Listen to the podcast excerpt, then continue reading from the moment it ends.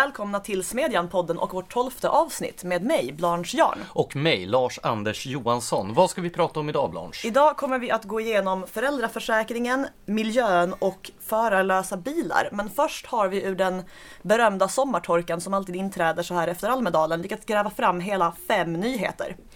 Ja, eh, två av nyheterna är ju då kopplade till Almedalsveckan som teamade ja, förra veckan helt enkelt. Har du återhämtat dig från den? Ja, gud ja. Jag är pigg som jag vet inte vad nu igen. Det glädjer mig storligen. Eh, vi nämnde ju i vår Almedals special att eh, Thomas Gyr, företagaren och samhällsdebattören, höll ett pop-up seminarium om integrationspolitik utanför domkyrkan i Visby, vilket då tystades av domprosten i Visby stift genom en eh, intensiv ringning i kyrkklockorna. Och det här har ju fått ett efterspel sedan dess. Ja, precis. Alltså idén är ju att man ringer i kyrkklockor för att signalera fara och färde, typ världskrig, utbryter, nazister invaderar eller så. Och då har eh, Aftonbladets ledarsida i dagarna lärt oss att eh, det faktiskt är precis vad som hände eftersom Thomas Gyr uppenbarligen är att likna vid en nazist. Ja, han, eh, de, det var Jonna Sima där på Aftonbladets ledarsida som i princip i samma andetag nämner Thomas Gyr och då Nordiska motståndsrörelsen som härjade runt i Visby under Almedalsveckan. Eh, som att det här vore någon slags, eh, ja, samma skrot och korn och att det därför var rätt av domprosten att vidta det här ganska extrema medlet för att tysta Thomas Gyr. Ja, alltså det var en jättekonstig artikel överhuvudtaget. Om jag förstod resonemanget rätt så var det alltså Nordiska motståndsrörelsen är i Almedalen och det är dåligt. Och eh, därför är det bra att domprosten uppvisar antirasistiska reflexer och detta gör han genom att ringa i klockorna när Thomas Gyr påstår att eh, språkkrav är rimliga för integration. Underförstått då att Thomas Gyr skulle driva något slags rasistisk agenda. Men det här visar ju på, alltså för det första så säger det ju någonting om eh, Aftonbladets ledarsida. Man undrar ju vem det är som är ansvarig redaktör där nu under sommaren. Anders Lindberg har ju påpassligt nog gått på semester och hävdar att han har eh, checkat ut helt och hållet. Så eh, jag vet inte om det är Sima själv som har då läst och godkänt sin egen text eller om det är någon annan som sitter vid rodret. Men det är väl en av de mest omdömeslösa artiklar jag har läst från den ledarsidan sedan Anders Lindeberg själv då 2012 liknade Timbro och Eh, Paulina Neuding och några ytterligare debattörer vid Anders Bering Breivik alldeles efter massmordet på Utöja. Ja, det var ju även det här med att äh, a, äh, rensa ut brunråttor eller vad det var. Ja, det var inte på ledarsidan. Det var, det var en kolumn, har jag för mig, på, om det var på nöjessidorna. Då så, ja men då är det här peak sunkig Aftonbladet sedan 2012. Ja, precis. Det säger ju också någonting om Svenska kyrkans politisering och täta band till just Aftonbladet och dess ledarsida. Helle Klein då som har varit en av de mest pådrivande krafterna för politiseringen av Svenska kyrkan som har drivit vänstertankesmedjan Seglora Smedja med då eh, församlingsmedlemmarnas pengar som finansiering. Hon var ju tidigare politisk chefredaktör på ah, just Aftonbladet så att kopplingarna mellan Svenska kyrkans vänsterfalang och dit då den här domprosten räknas. Och Aftonbladets ledarsida är ju uppenbarligen fortfarande starka. Närstående men fristående. En annan nyhet från Almedalsveckan rör då talröret Isabella Lövin som i Opinion Live i deras direktsändning från Almedalen blev konfronterad med att hennes man tydligen äger en stor pickup, en dieseldriven pickup. Ja, hon blev ju dessutom konfronterad med en liten miniatyr av den här pickuppen och ställd till svars. Ja, och det här har ju då många högerdebattörer tagit till intäkt för då eh, den dubbelmoral och det hyckleri som är väldigt vanligt i eh, vänsterkretsar i allmänhet och kanske i miljöpartistiska kretsar i synnerhet. Men jag kan tycka att reaktionen är en smula överdriven. Jag tycker den är helt sjuk. Alltså, det här är ju inte en bil som Isabella Lövin och hennes man delar, utan det är hans bil.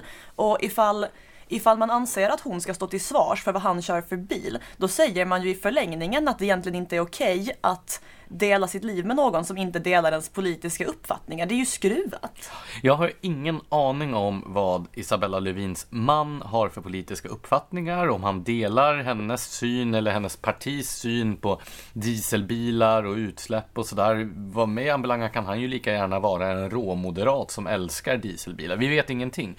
Men det är jättekonstigt att tänka sig att han då ska hållas ansvarig för sin hustrus partis politiska linje. Ja, att hennes hustrus partis politiska linje ska hållas ansvarig för hans bilkörande. Det här blir ju också ett slags identitetspolitik då, då alla närstående ska förväntas leva efter samma måttstock som en person som är aktiv i debatten. Man kan ju tycka att eh, en politiker ska hållas ansvarig för sina egna åsikter och leva som den lär, men man kan ju inte kräva att den också ska ha en partner som delar alla uppfattningar och åsikter. Nej, eller hur? Alltså, jag har ju sett det här liknas vid eh, Åsa Romsons eh, affär med eh, den giftiga båtfärgen.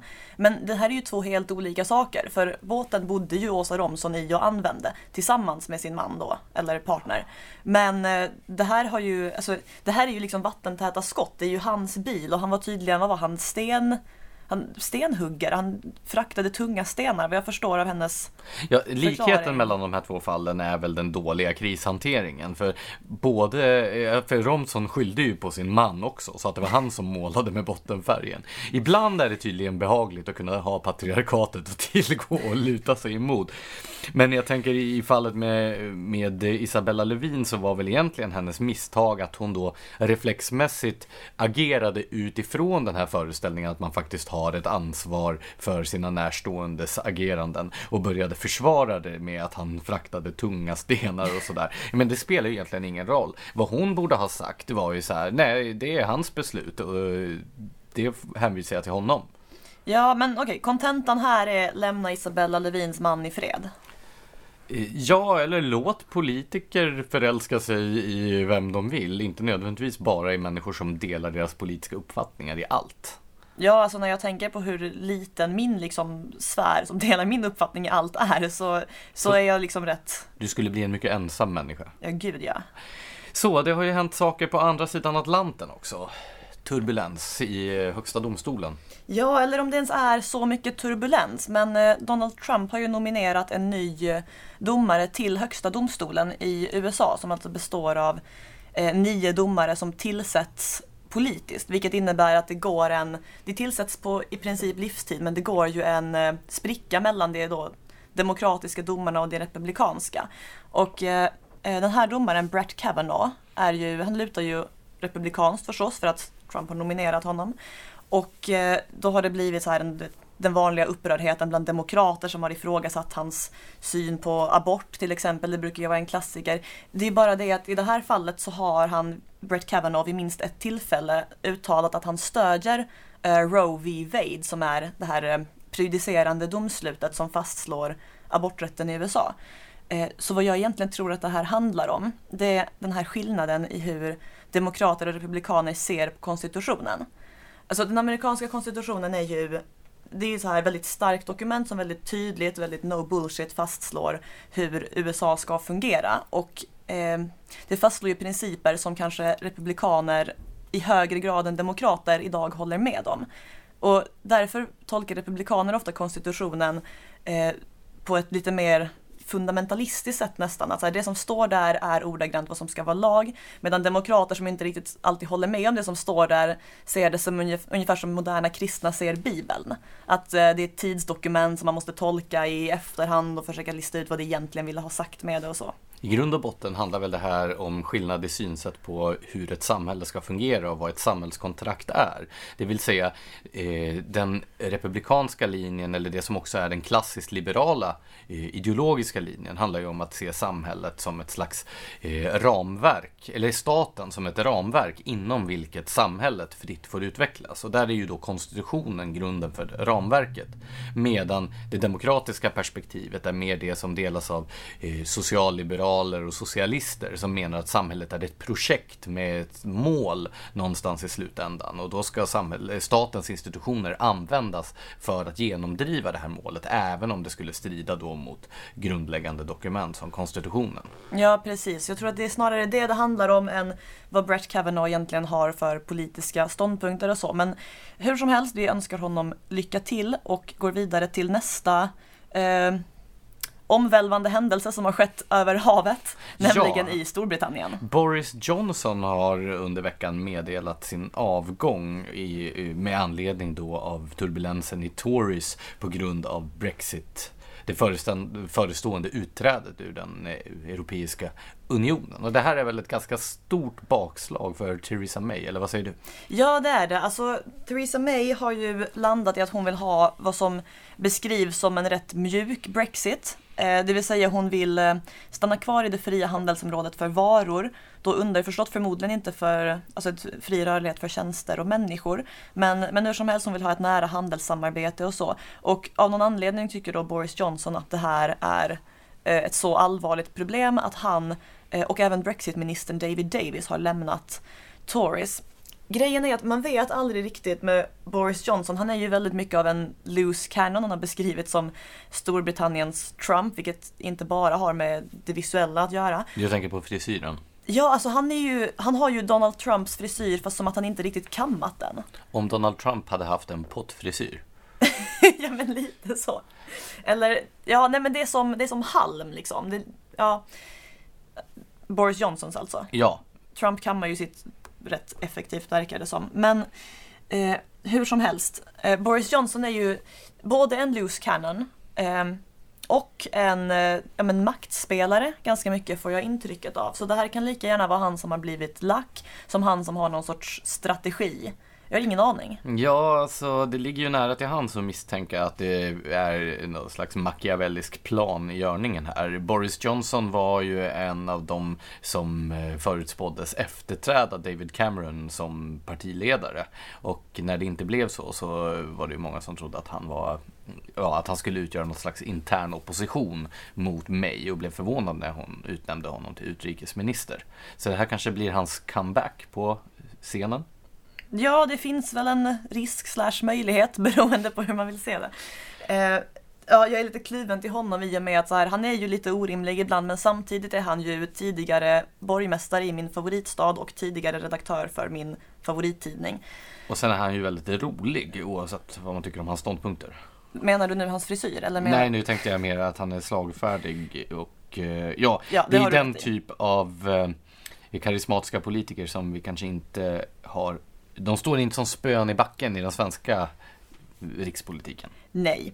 Eh, slutligen har vi en femte nyhet som eh, dök upp i eh, tisdags tror jag det blir.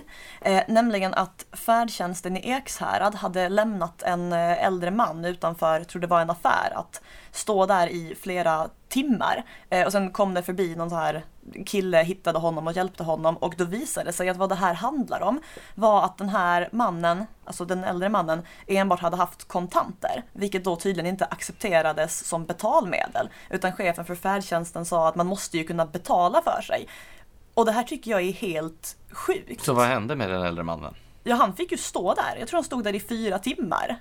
I något kyligt gathörn innan det gick förbi en ung kille och hjälpte honom. Man måste kunna betala för sig, men giltiga betalmedel gäller inte. Det är ju faktiskt helt häpnadsväckande. Ja, och det här visar ju ett av de många problemen med den här idén om det kontantlösa samhället, nämligen att äldre generationer är inte anpassade till det. Alltså så här i deras värld så ska man kunna betala för sig när man har pengar. Och jag håller ju med om det, det ska man kunna. Och sen så börjar viktiga institutioner för dem, som till exempel färdtjänsten, bete sig som att det inte längre är okej att kunna betala med kontanter. Det är ju rätt svinigt mot de äldre. Jag skulle inte säga att det bara handlar om äldre generationer, utan kontanter kommer att vara lika relevanta för vår generation. Det är otroligt naivt att tänka sig att vi skulle kunna övergå helt och hållet till ett elektroniskt system.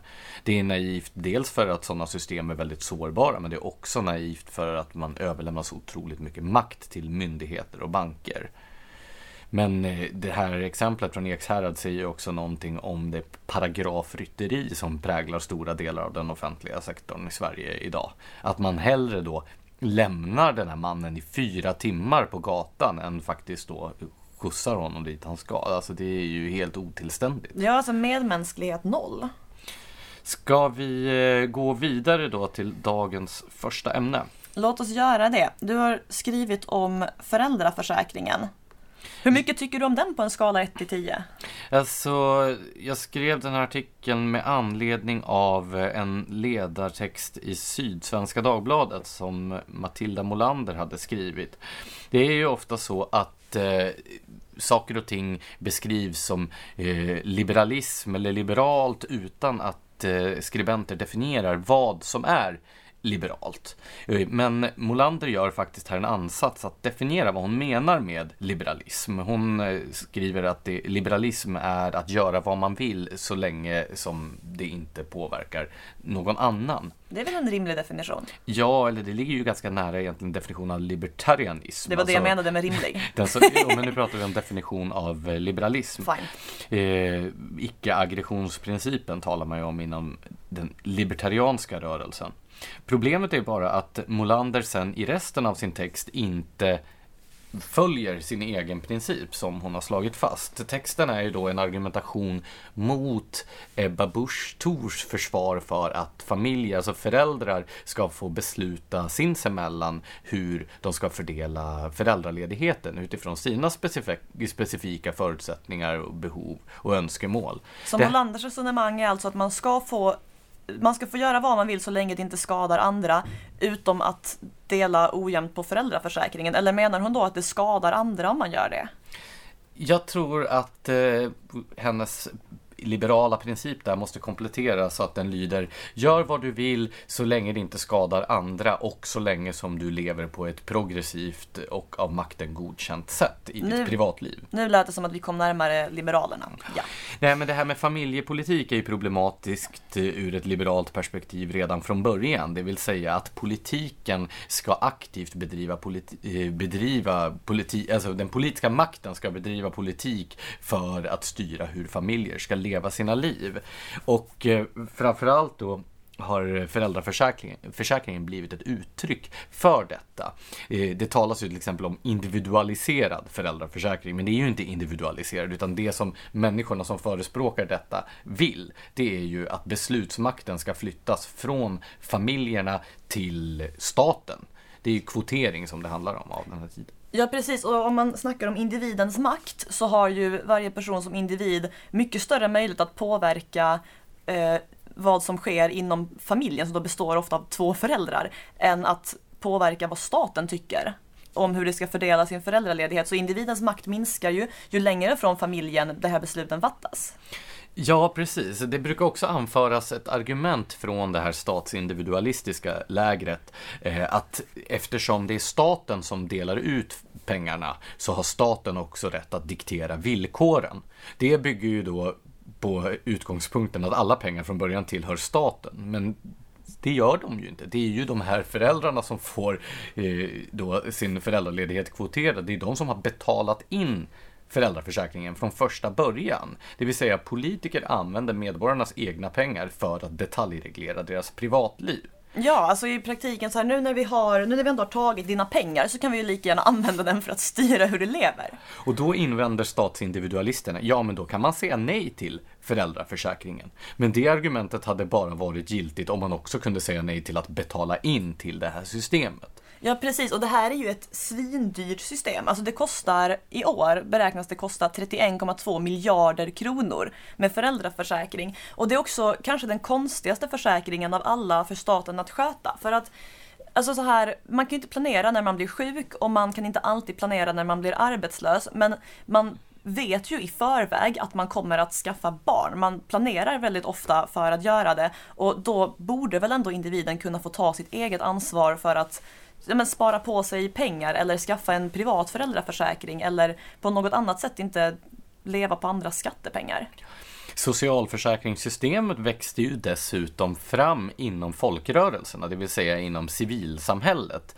Det, att att eh, staten har tagit över ansvaret för detta är ju då en stor förflyttning av beslutsmakten från individer och frivilliga gemenskaper till den politiska makten. Att liberaler med näbbar och klor, eller personer som kallar sig liberaler, försvarar det systemet är ju helt häpnadsväckande. Det finns ingenting liberalt över detta. Ja, och försvarar det med sån övertygelse dessutom. Det här är ju nästan den viktigaste frågan för många självutnämnda liberaler. Men jag tror att det finns en nyckel nyckel till det här sättet att tänka eller till att förstå det här sättet att tänka i Molanders text. Hon skriver ju nämligen att i ett liberalt samhälle finns inga familjer, bara individer. Och det är ju ett väldigt dystopiskt och märkligt eh, resonemang. Men eh, det här som eh, vissa progressiva liberaler kallar liberalism är ju i själva verket statsindividualism, det vill säga att man ser det som statens uppgift att då slå sönder frivilliga gemenskaper som till exempel familjen eller eh, församlingen eller eh, civilsamhällets olika gemenskaper som människor frivilligt går in i eller går ut ur och istället ersätta dem med ett ensidigt beroende av den politiska makten. Det här har ju till exempel Lars Trägård och och eh, Henrik Berggren skrivit utförligt om i i boken Är svensken människa? Just hur makten för, eh, för, över civilsamhället flyttade från de frivilliga gemenskaperna in till statsmakten. Ja, alltså det är ju som att man tänker sig, alltså vi har ju en rätt liberal syn på liksom hur man hur man lever tillsammans i Sverige. Alltså så här, det är rätt vanligt att skilja sig om man tycker att det inte funkar. Det är liksom fullt samhället accepterat att vara skild. Det är inte som att vi lever i någon sorts konservativt bakåtsträvande samhälle på den punkten. Men ändå resonerar ibland liberaler som att, men, som att familjen var liksom någonting man är fast i. Som att man inte har någon sorts möjligheter att bestämma inom sin egen familj. Det finns ju två grundläggande liberala traditioner där då det som brukar benämnas som den klassiska liberalismen. Det här anknyter förresten till resonemanget vi hade om synen på samhället som ett, eh, med staten som ett ramverk eller med staten då som ett socialt projekt. Mm. Och från ett klassiskt liberalt perspektiv eller ett libertarianskt perspektiv så ska politiken bara tillse att samhället utvecklas fritt. Det vill säga att de frivilliga gemenskaperna, familjer, föreningslivet, kyrkor och så vidare är någonting positivt som ska värnas. Medan då eh, från den andra traditionen, där den progressiva traditionen där man betraktar då hela samhället som ett socialt projekt med ett slutmål, då är de här eh, frivilliga gemenskaperna oftast bromsklossar som står i vägen för då den stora önskvärda och påbjudna samhällsförändringen och därför måste de bekämpas. Då ska man slå sönder de frivilliga gemenskaperna och göra individerna då till solitärer med bara ett enda, eh, med en enda relation och det är relationen till staten. Ja, just att familjen är frivillig medan staten är ett tvång säger väl med all önskvärd tydlighet att varje individ är ju mer självständig i förhållande till sin familj än i förhållande till staten. Så vill man uppnå maximal frihet för individen och maximalt spelrum, då är det bättre om familjer bestämmer sinsemellan än om staten bestämmer över det här. Ja, och den här konstiga motsättningen mellan individen och familjen är ju också så avslöjande. De flesta familjer har ju uppstått genom att individer frivilligt har slutit sig samman. Det finns naturligtvis negativa exempel där det inte har gått till på det sättet. Men till skillnad från relationen till staten så är ju relationerna i en familj frivillig. Alltså vad jag tror det här handlar om, det är, visst var det Rousseau som hade den här formuleringen att eh, tvinga personer att bli fria? För att jag var, jag har skrivit en text om det här också, hur jag i Almedalen var på ett seminarium och vad som nästa stora så här, reform för eh, kvinnor ska vara, nästa jämställdhetsreform. Och då, eh, gud nu kommer jag av mig. Jo, eh, jag var ju i Almedalen på ett seminarium om vad nästa stora jämställdhetsreform skulle vara och jag slogs av hur ofrihetliga de här reformerna var. Alltså en kvinnorörelse som har fokuserat på möjligheten att rösta och rätten att eh, ta studenten på samma villkor som för män och kvinnor och möjligheten att driva företag oavsett vilken kön man har har nu landat i att eh, förbud mot visstidsanställningar ska vara nästa stora jämställdhetsreform. Det var i alla fall vad eh, jämställdhetsminister Lena Hallengren som är socialdemokrat sa. Och den enda logiska förklaringen till att den här enorma omsvängningen i kvinnorörelsen från rättigheter och möjligheter till vad som snarare handlar om förbud. Det är ju, landade jag i den här synen att om möjligheterna nu finns där för kvinnor att leva på samma villkor som män och vi ändå inte, alltså alla uppnår den här perfekta könsbalansen och jämställdheten i alla delar av samhället så räcker det inte att möjligheten finns utan då måste vi liksom tvingas att bli fria, det vill säga dela lika på allting. Jag tror det är det som ligger bakom det här med föräldraförsäkringen också. Föräldraförsäkringen är ju också ett exempel på hur otroligt missvisande den så kallade galtanskalan som vi ofta har diskuterat är. Eller god-ond-skalan som man också kan kalla den. Eftersom då de som vill att individerna själva ska få avgöra hur föräldraledigheten ska fördelas inom den egna familjen.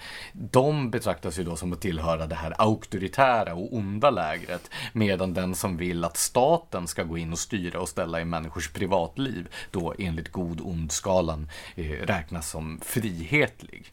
Ja, nej, det, där är, det där är väl vad vi behöver säga på den punkten överhuvudtaget. Alltså Galtanskalan är ju där för att snedvrida eller så här, det är där för att få personer som argumenterar för auktoritära saker med så här jämställdhets eller frihetsargument att verka frihetliga när det inte är det. Och att få människor som argumenterar för en frihetlig linje att framstå som läskiga auktoritära nationalister. Nu känns det väl alltid bra att framstå som lite läskig i och för sig, men jag vet inte om jag känner mig så nationalistisk. Eller auktoritär.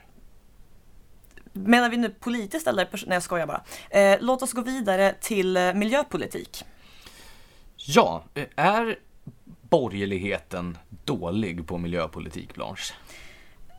Det beror ju på vad man menar. Jag tycker ju att eh, så här, borgerligheten lägger inte så många miljörelaterade förslag, men det är ju ofta bättre än det miljörelaterade förslag som läggs till vänster. Däremot så är det ju känt att eh, borgerligheten inte är så van vid att tala om miljöpolitik.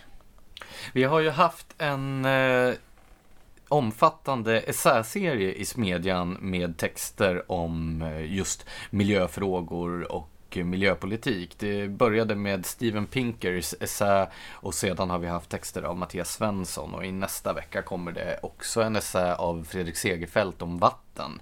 Och sen har vi haft ett antal texter också eh, av kortare format. Till exempel skrev jag ju en ledartext häromveckan om problemet med eh, plast som hamnar i världshaven och flyter omkring. Ja, David Eberhardt har ju även skrivit en krönika på temat Låt inte gammelkommunismen styra miljöpolitiken. En sak jag tror det här handlar om, alltså att borgerligheten, förutom då vi på Smedjan som ju tydligen är väldigt bra på det här med att skriva om miljöpolitik, men, men många andra borgerliga har svårt för miljöfrågor. Kan det vara samma mekanism som ligger bakom att eh, partier har undvikit eh, invandringsfrågor för att slippa förknippas med Sverigedemokraterna. Så här, ett borgerligt parti vill ju absolut inte förknippas med Miljöpartiet. Jag tror inte egentligen att det är det som det handlar om. Men jag tror man måste gå tillbaka till, eh, ja egentligen slutet av 60-talet för att se den här brytningen. För historiskt så var ju värnande om naturen snarare en konservativ ståndpunkt än något som förknippades med politisk radikalism. Ja, det hängde väl ihop med naturromantiken och allt det här. Fram till slutet av 60-talet så var då det som man skulle kunna kalla för en miljörörelse i Sverige i huvudsak då en borgerlig sådan rörelse. Naturskyddsföreningen till exempel som grundades eh, runt förra sekelskiftet var ju tydligt präglad av en konservativ inställning. Samma sak då med Svenska turistföreningen som också eh, värnade om naturen och uppstod vid samma Eh, under samma tidsperiod och hängde samman med nationalromantikens inställning till naturen. Att man upptäckte naturen inte bara som en ekonomisk resurs utan också för dess eh, estetiska värden och dess eh, då, betydelse för nationalkänslan som var viktig på den här tiden. När Anders Björk var ordförande för Högerns ungdomsförbund så gavs det ut, det här var på 60-talet alltså, en liten skrift som heter Högerns lilla blå. Det är ju en anspelning på Maos lilla röda, men i den här så är miljöperspektivet ganska tydligt. Och eh, inte minst då präglades den av Rachel Carsons epokgörande bok Tyst vår, eller Silent Spring som den heter på engelska, som kom, jag tror det var 1963, och som just upp uppmärksammade eh, utsläppen som, från industrin som höll på att döda stora delar av naturen och som blev väckarklockan för den nya miljörörelse som växte fram under 60 och 70-talen. Så hur såg MUF på, på den? Ja, att det här var allvarliga problem och att det var någonting som man var tvungen, det hette ju inte, det hette ju HUF på den tiden. HUF? HUF, Högerns ungdomsförbund. Det låter lite gulligt. Men eh, miljöfrågan fanns där tydligt. Jag vet också, jag har talat med en del i den generationen och det var inte ovanligt att man då var engagerad i, ja, men i högern och även var med i till exempel Fältbiologerna. Alltså Naturskyddsföreningens eh, ungdomsorganisation. Fältbiologerna uppfattas ju idag som en ganska vänsterradikal organisation, men så såg det inte ut då. Men runt 1970 så uppstod ju den här Eh, miljörörelsen så som vi känner den idag som ju mer påminner om den vänsterradikala rörelse som också växte fram vid samma tid. Ja, alltså i den eh, tredje av sina essäer, alltså den sista och senaste essän som Mattias Svensson skrev om miljöproblemen så tar han ju upp någonting jag tror kan vara en förklaring till att borgerligheten började ta avstånd för miljöfrågorna. Från miljöfrågorna, förlåt. Eh, han Mattias Svensson tar nämligen upp eh, hur krisbegreppet historiskt har använts för att eh, eh legitimera eh, ingrepp i eh, men, friheter och individuella rättigheter som annars inte hade betraktats som okej. Okay. Och eh, hur man ju efter ett tag började tala om miljön som en kris. Det kan ha hängt ihop med det. Eh, hon nämner till exempel eh, Jan Myrdals eh, kris i befolkningsfrågan. Hur, det, hur befolkningsfrågan porträtterades rent ordagrant som en kris just för att legitimera vad, ju, vad som ju var ganska radikal social ingenjörskonst. historieforskaren Yvonne Hirdman har i texten Crisis, the road to happiness kallat det politisk alkemi. Hur socialdemokratin använde krisbegreppet för att som hon beskriver det, initiera ett program för en planerad ekonomi som omfattade större delar av samhället än någonsin förut eh, på 30-talet. Den här idén att akuta situationer kräver radikala botemedel kan ju vara det som kanske skrämde bort borgerligheten från miljöfrågan när man började tala om den som en akut kris. Vilket då Mattias Svensson menar att det inte är. För att en borgerlig ju vill ha en kraftig begränsning på vad staten ska ägna sig åt. Ja, jag tror när det började handla om stora kollektivistiska lösningar så blev det ju naturligtvis en, en skiljelinje då mellan liberaler och konservativa å ena sidan och då de, de här vänsterrörelserna å den andra sidan. Samtidigt så ska man komma ihåg att den här gröna vågen som uppstod då under 60-70-talen var ju i många avseenden mycket mer frihetlig än de andra radikala rörelserna vid samma tid. Och udden var ju inte bara riktad mot kapitalismen och högern utan även även då mot eh, Socialdemokraternas och kommunisternas industrivurm. Det är ju först på ja, den allra senaste tiden som vänstersidan på allvar har blivit då eh, anfäktad av något slags miljöengagemang. Det räcker med att titta på alla de kommunistiska staterna eller på socialdemokratins industripolitik under större delen av 1900-talet för att inse att socialism och miljöengagemang har ju aldrig varit något som har varit nära sammankopplat. Ja, tills det nu möts i den här drömmen om ett mer auktoritärt samhälle. Jag tänker till exempel på hur Göran Greider eh, använde klimatfrågan för att förespråka en så kallad demokratisk planekonomi. Jo, men det här återkommer man ju till gång på gång och det är ju lätt att bli konspirationsteoretiskt här eftersom man får intrycket av att det är lösningarna som har kommit först. Att här ser man då eh, ett sätt att använda, eh, man gör miljöfrågorna och alarmismen kring många av miljöproblemen till då murbräckor för att genomdriva olika typer av kollektivistiska agendor. Men det gör ju då att man dels skrämmer bort en massa andra människor från själva problemställningarna som sådana. Eh, och dels då att eh, bättre och mer effektiva lösningsförslag hamnar i skymundan. Ja, alltså man, eh, man kan ju notera om man ser sig omkring i världen att det är ju länder som har en relativt fri ekonomi som också har den bästa miljön. Och på samma sätt så har ju kommunistiska stater gång på gång demonstrerat ett ganska stort ointresse för olika typer av miljövärden. Ja, absolut, så är det ju. Och eh, som Mattias Svensson visar i sin utmärkta bok Miljöpolitik för moderater som kom för några år sedan så finns det ju gott om exempel på hur olika typer av marknadslösningar och lösningar som utgår från äganderätten har fått eh, mycket bättre resultat än den här typen av eh, centraliserade och kollektivistiska lösningar som är vanliga eh, inom miljörörelsen, att man förespråkar. Eh, så den boken rekommenderas varmt till den som vill sätta sig in i miljöfrågorna från ett liberalt perspektiv. Ja precis, alltså när man rör sig mot ett sånt här auktoritärt samhällsskick i hopp om att på något vis rädda miljön så blir det ju ett dubbelfel för att dels slänger man viktiga frihetliga principer över bord men dels så gynnar man ju ofta inte miljön heller. Det är ju också från den här typen av eh, då förment eh, miljöengagerade personer som då ropen att avskaffa demokratin har börjat komma på senare år.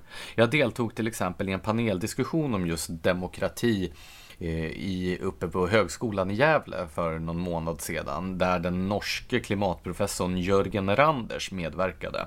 Eh, han är aktiv då i norska Arbeiderpartiet, det vill säga norska Socialdemokraterna, men framförallt då klimatdebattör mycket karismatisk eh, talare för övrigt, så han fick ju hela publiken med sig.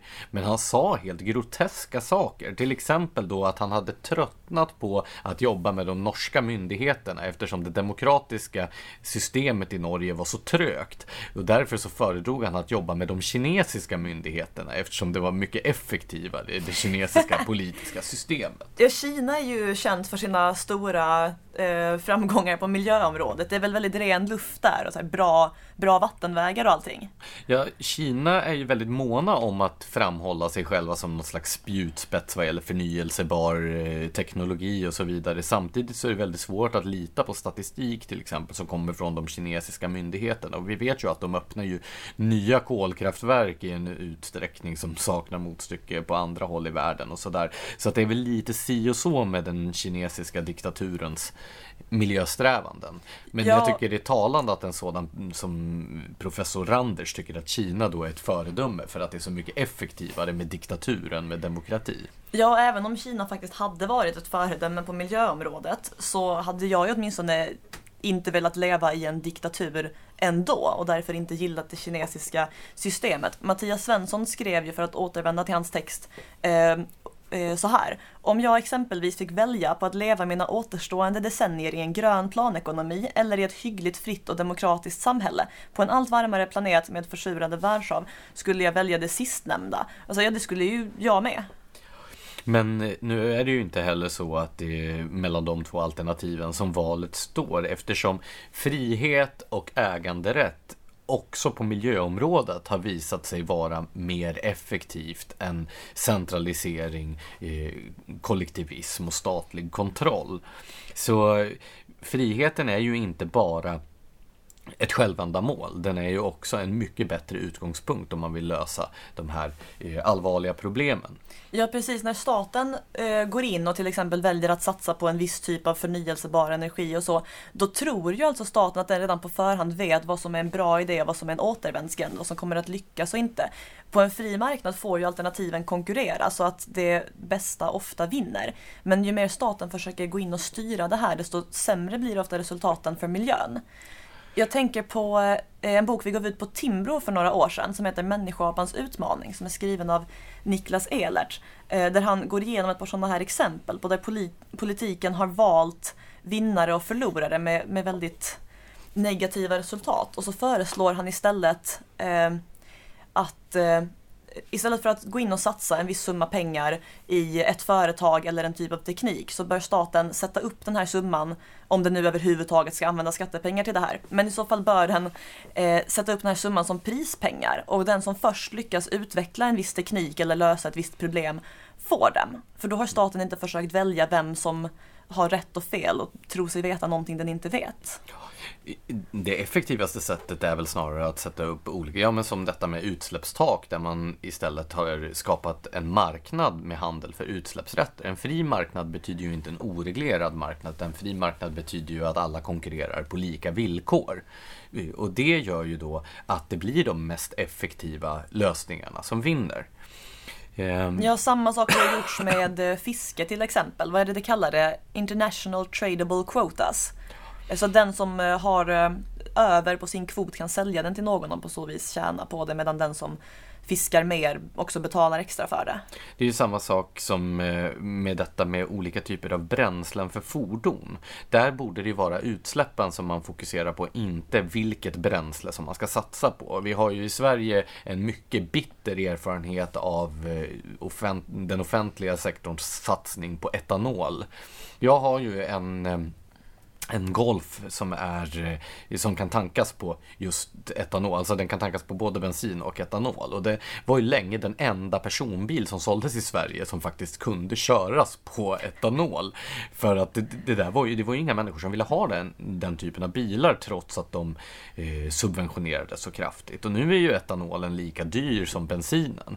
Den enda konsekvensen egentligen som den här politiken för, att, eh, för etanolen fick, det var ju att en massa bensinstationer på landsbygden var tvungna att stänga ner eftersom man bestämde att alla bensinstationer var skyldiga att tillhandahålla en etanolpump. Och det var en väldigt dyr investering för bensinstationerna, alltså många valde då att helt enkelt lägga ner verksamheten istället för att göra den här stora investeringen som de aldrig skulle få igen. Ja, jag har för mig att det här rör sig om en tredjedel av alla bensinmackar runt om i landet. Det kallas väl bensinmackdöden? Det var mackdöden? Ja, det var alltså på många orter var ju det här en katastrof eftersom bensinstationen ofta kanske var det enda servicestället. Att den var också det enda stället där man kunde då hämta ut post eller eh, handla livsmedel och så. Om vi pratar riktigt, riktigt små orter på mm. glesbygden. Nu ser vi ju det här i dieseldebatten. Det var ju bara några år sedan som Miljöpartiet aktivt förespråkade att man skulle då köpa dieselbilar eftersom det då är miljövänligare om man ser till eh, koldioxidutsläppen. Och nu ska man inte få köra det med innerstäder istället? Nej, nu har man ju kommit fram då till att de istället släpper ut för mycket kväveoxider som är dåligt för inandningsluften. Och här finns det ju då ett slags eh, målkonflikt mellan, eh, ja men dieselbilarna är ju fortfarande fortfarande bättre för klimatet, men de är sämre för inandningsluften.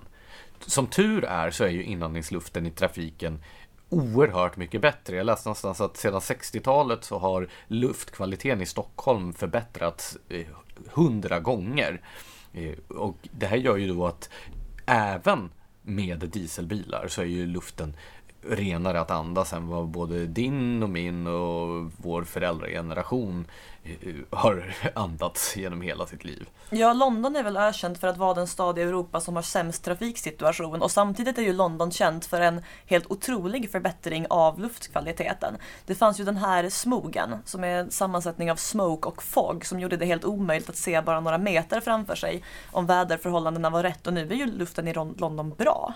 Trots att bilarna har ökat så mycket i antal. Och det här visar ju då på hur när olika typer av eh, tekniker får konkurrera så kommer de bästa att eh, eh, de bästa att vinna. Men när politiken väljer ut vinnare så slår man sönder förutsättningarna för den här typen av positiv konkurrens. Vilket gör att det kanske dröjer längre innan de verkligt miljövänliga lösningarna får genomslag. Ska vi bara sammanfatta det här blocket med eh, våra boktips då? Vi har nämnt Mattias Svenssons miljöpolitik för moderater och Niklas Ehlerts Människoapans utmaning. Jag skulle också vilja nämna den brittiske filosofen Roger Scrutons bok Green Philosophy som närmar sig de här frågorna från ett konservativt perspektiv. Och han menar ju också, i likhet med Svensson till exempel, att att eh, en eh, miljöpolitik från höger måste utgå från den privata äganderättens princip. Men Scruton för också ett intressant resonemang just om att engagemanget för miljön inte kan börja med de stora abstrakta globala frågorna utan måste börja eh, nere på marken i människors närområde. Att det är lättare att få människor att engagera sig för miljön om man gör det för då ett skogsområde i närheten av där man bor eller en försurad sjö eller någonting konkret som man kan uppleva i sin vardag. Ja, jag kommer att tänka på den här klimatångesten som tydligen drabbar unga miljöpartistiska väljare på Södermalm med regelbundenhet. Eh, det där måste väl ändå hänga ihop med att man ser, alltså man, man tar sig an de stora, gigantiska, planetomspännande frågorna och där är det ju väldigt svårt att känna att man själv gör någon skillnad överhuvudtaget. När man istället kunde fokusera, som du säger, på ett skogsområde där det går att märka en konkret skillnad i vad man själv gör för insats.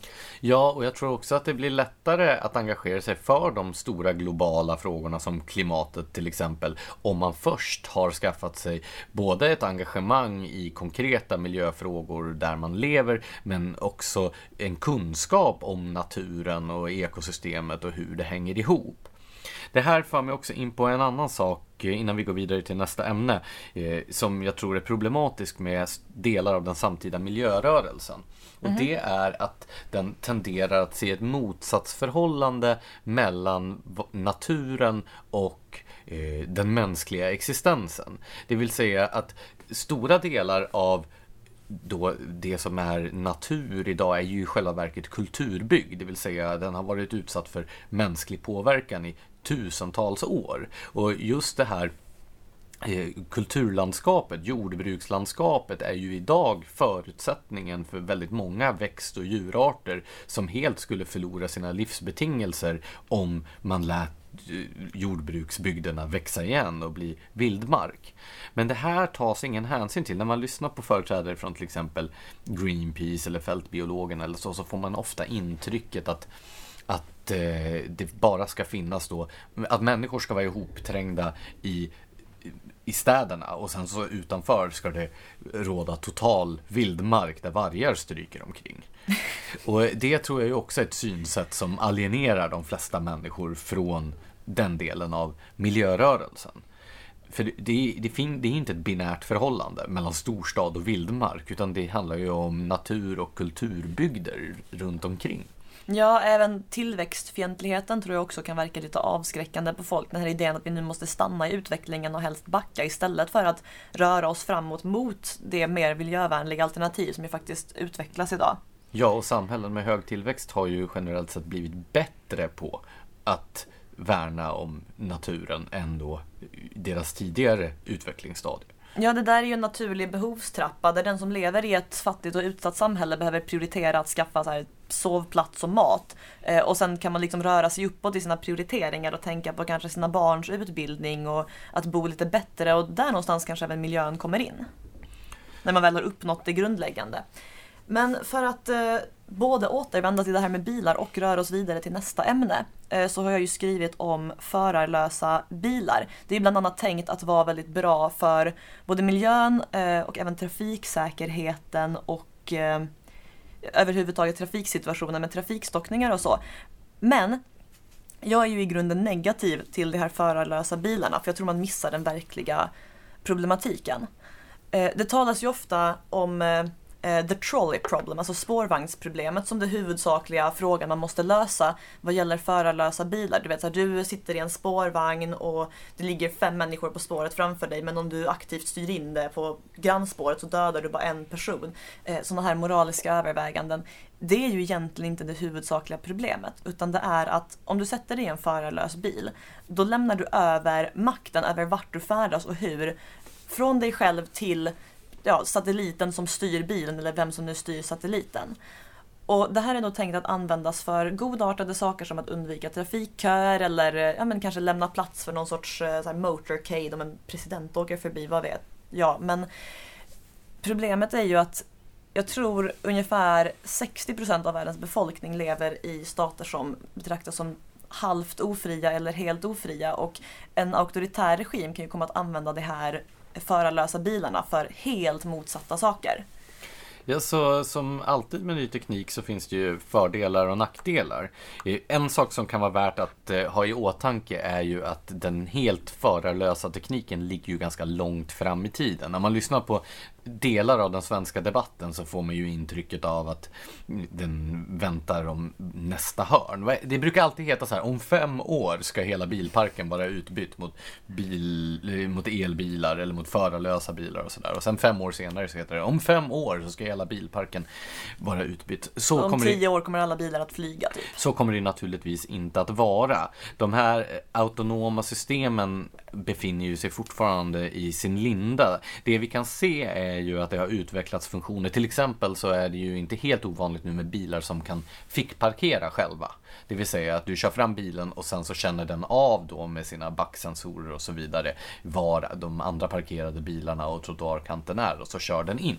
Och det är ju väldigt bra eftersom en stor andel av befolkningen kan helt enkelt inte fickparkera. Å andra sidan så vore det ju bättre om de faktiskt lärde sig att fick parkera. Ja, jag tänkte just säga det, det finns ju ett egenvärde i att man lär sig göra sådana här saker själv istället för att bara förlita sig på en dator. Eller, det är samma sak som att man bör lära sig multiplikationstabellen även om man har miniräknare att tillgå. Det som jag tycker är eh, intressant det är ju det här, jag menar visst, det är väl bra om till exempel vissa typer av transporter kan göras med autonoma fordon eller eh, om delar av taxinäringen kan ersättas av detta. Men att se det som ett slags universallösning på då eh, alla de eh, problem och funktioner som bilismen då fyller i ett samhälle, det är ju oerhört naivt. Ibland får jag nästan intrycket av att de som är mest engagerade för eh, de förarlösa bilarna i själva verket är lite rädda för den frihet som det innebär att faktiskt själv kunna köra sin bil. Ja, eller så är det regimer som är rädda för andras frihet att kunna köra sin bil. Jag tänker just nu på Kina som satsar väldigt stort på det här. De vill ha, jag tror de vill ha en fordonsflotta på 30 miljoner självkörande bilar inom 10 år eller så. Och det här är alltså ett land som eh, har, redan har belagt 12 miljoner av sina medborgare med reseförbud inom landet eh, på grund av att det har för lågt socialt kreditvärde. Det här är ju en helt, ett helt sjukt fenomen i sig. Ett socialt kreditvärde? Ja, alltså det här, är, det här är så genuint obehagligt men den kinesiska staten har då eh, upprättat en gigantisk databas med information om allt från medborgarnas bankkonto till deras sökhistorik och vad de skriver i chattar på sociala medier, alltså alltihop. Och baserat på detta givit varje invånare ett socialt kreditvärde. Och gör man saker som liksom gör makten glad så får man ett bättre kreditvärde och gör man misshagliga saker så sjunker ens kreditvärde. Det vill säga om man följer värdegrunden eller inte? Exakt. Och eh, har man då ett för lågt socialt kreditvärde så straffar det sig. Eh, det har till och med uttalats någonting i stil med att den som, som agerar rätt ska kunna färdas fritt under himlen men eh, det ska banne mig inte den som, som misshagar oss typ. Och grejen är ju att om man sätter alla i självkörande bilar så får ju till exempel den kinesiska staten en enorm möjlighet att kontrollera deras rörelser. För styr någon annan bilen så kan man ju till exempel hindra folk från att ta sig till möten, till eh, politiska protester och demonstrationer, hindra den från att lämna landet och i en ofri stat kan det här faktiskt vara ett riktigt stort problem. Men även den svenska staten har väl visat att den är eh, entusiastisk inför utsikten med självkörande bilar? Ja, alltså det största projektet som jag har läst om hittills är ett som heter Drive Sweden som finansieras av eh, till exempel Vinnova, Energimyndigheten och eh, Formas som är ett statligt forskningsråd. Och det här genomförs då av Göteborgs stad, Trafikverket, Trafikstyrel, förlåt, Transportstyrelsen och Volvo eh, i syfte att citat studera samhällsfördelarna med autonom körning. Slutcitat. Så utgångspunkten här är ju att det här är jättebra. Och den dåvarande infrastrukturministern Katarina Elmsäter Svärd var också positiv till det hela. Nu menar jag ju inte att Sverige är ett auktoritärt land i stil med Kina, även om vi förstås också har vår värdegrund och så. Men alltså, det är inte helt främmande att tänka sig att eh, Miljöpartiet, om det i och för sig hade varit större än det är just nu, började typ ransonera antalet mil man får köra och kontrollera detta genom att använda sig av så här en flotta av förarlösa bilar. Eh, eller ha någon, några sådana här tradable quotas för hur mycket man får köra. Eller typ kvotera milen så att kvinnan och mannen måste, i en familj måste köra lika långt för jämställdhetens skull. Alltså det går att tänka sig rätt orimliga saker förarlösa bilar kan användas för även i Sverige om det går politiskt fel. Ja, är inte det här, den här entusiasmen ett uttryck för samma naivitet som vi ser i inställningen till det kontantlösa samhället. Där människor då applåderar att Sverige ska bli det första kontantlösa samhället. Och sen står det åldringar som blir kvarlämnade av färdtjänsten där på gatan mitt i natten. Ja, alltså man har ju fått för sig att ju mer, ju mer progressiv man är desto bättre är man. Och reaktionär har ju blivit en allvarlig förolämpning i Sverige så man är ju så rädd för att verka som att man inte hoppar på de nya trenderna. Att man hellre hoppar på nya trender kanske lite väl oreflekterat. Ja, alltså det här med att Sverige alltid ska vara först med att implementera nymodigheter, det är ju ett problem. Att vi ska vara då hela världens experimentverkstad. Det är ju kanske lite klokare att luta sig tillbaka och titta på ja, vilka grejer funkar och vilka funkar inte och sen implementera de saker som har visat sig fungera. Det kanske vore bra att studera eh, hur de här självkörande bilarna fungerar i ett annat land innan de implementeras på bred front här. Ja, man kan ju tycka det. Det var ju till exempel en amerikansk kvinna som blev påkörd av en självkörande bil för inte så länge sedan, vilket ju väckte en del frågor kring hur bra den här och säker den här tekniken egentligen är. Nu är det väl i och för sig så att det är en hel del människor som blir påkörda av bilar som körs av människor också. Så att... men, det är sant. men det är klart, alla säkerhetsproblemen löses ju inte och det blir ju en helt annan typ av moraliska frågor när det då eh, är en dator som styr eller någon som sitter väldigt långt bort som styr de här bilarna. Ja, alltså jag tänker ju inte sätta mig i en självkörande bil. Då skaffar jag hellre ett riktigt körkort för en gångs skull. Det, vilket i och för sig också är en oroväckande utsikt för alla oss andra. Så, ska vi avrunda detta avsnitt med några glada lyssnarfrågor kanske? Nej, men vi kan avsluta det med en sur lyssnarkommentar. Eh, på Facebook har Erik Olander kommenterat en text av eh, vår kollega Björn Hasselgren om eh, varför statsministern borde avgå på grund av eh, den dåliga hanteringen av de 9000 asylsökande som har beviljat asyl fast det saknats asylskäl. Ja, ja, den här lagen som då mm. har dömts ut att den inte ens kan tillämpas av domstolarna för att den är så värdelös. Ja, migrationsdomstolen har ju sagt att det här fungerar överhuvudtaget inte och det kommenterade Hasselgren med på ett allvarligt sätt varpå då denne Erik Olander skriver så här. Vad ska en högerkonservativ tankesmedja tänka tänka ut om inte hitta en massa fel på en vänsterregering. Timbro är en elitistisk samling akademiker som tycker att flertalet folk är för obildade för att ha något inflytande över politiken. Självklart tycker de att akademikerna och högre ståndsfolk ska betala in så lite skatt som möjligt. Punkt. Tack Erik Olander för din trevliga återkoppling på Björn Hasselgrens text. Eh, det första som slår mig är ju vad lite som krävs idag för att bli stämplad då som högerkonservativ. Det räcker alltså med att, kom, att eh, kritisera ett värdelöst lagförslag från den socialdemokratisk miljöpartistiska regeringen för att inte bara då bli stämplad som konservativ utan också som att bli stämplad som konservatismens högerfalang. Ja, och dessutom tydligen elitistiska akademiker. Ja. Nu stämmer det förstås att Björn Hasselgren är en akademiker. Ja, det är sant. Och eh, vi måste ju också ge Olander rätt i att eh, visst tycker vi på Timbro att akademiker och eh, vad är det han säger, högre, högre ståndsfolk ska betala in så lite skatt som möjligt. Men det gäller ju även alla andra såsom arbetare och tjänstemän och pensionärer och så vidare. Så att eh, det bästa vore ju om alla fick sänkt skatt. Ja, ja, vi vill även befria proletärerna från skatternas ok. Och med det sagt, tack så hemskt mycket för att ni har lyssnat. Vi hörs nästa vecka.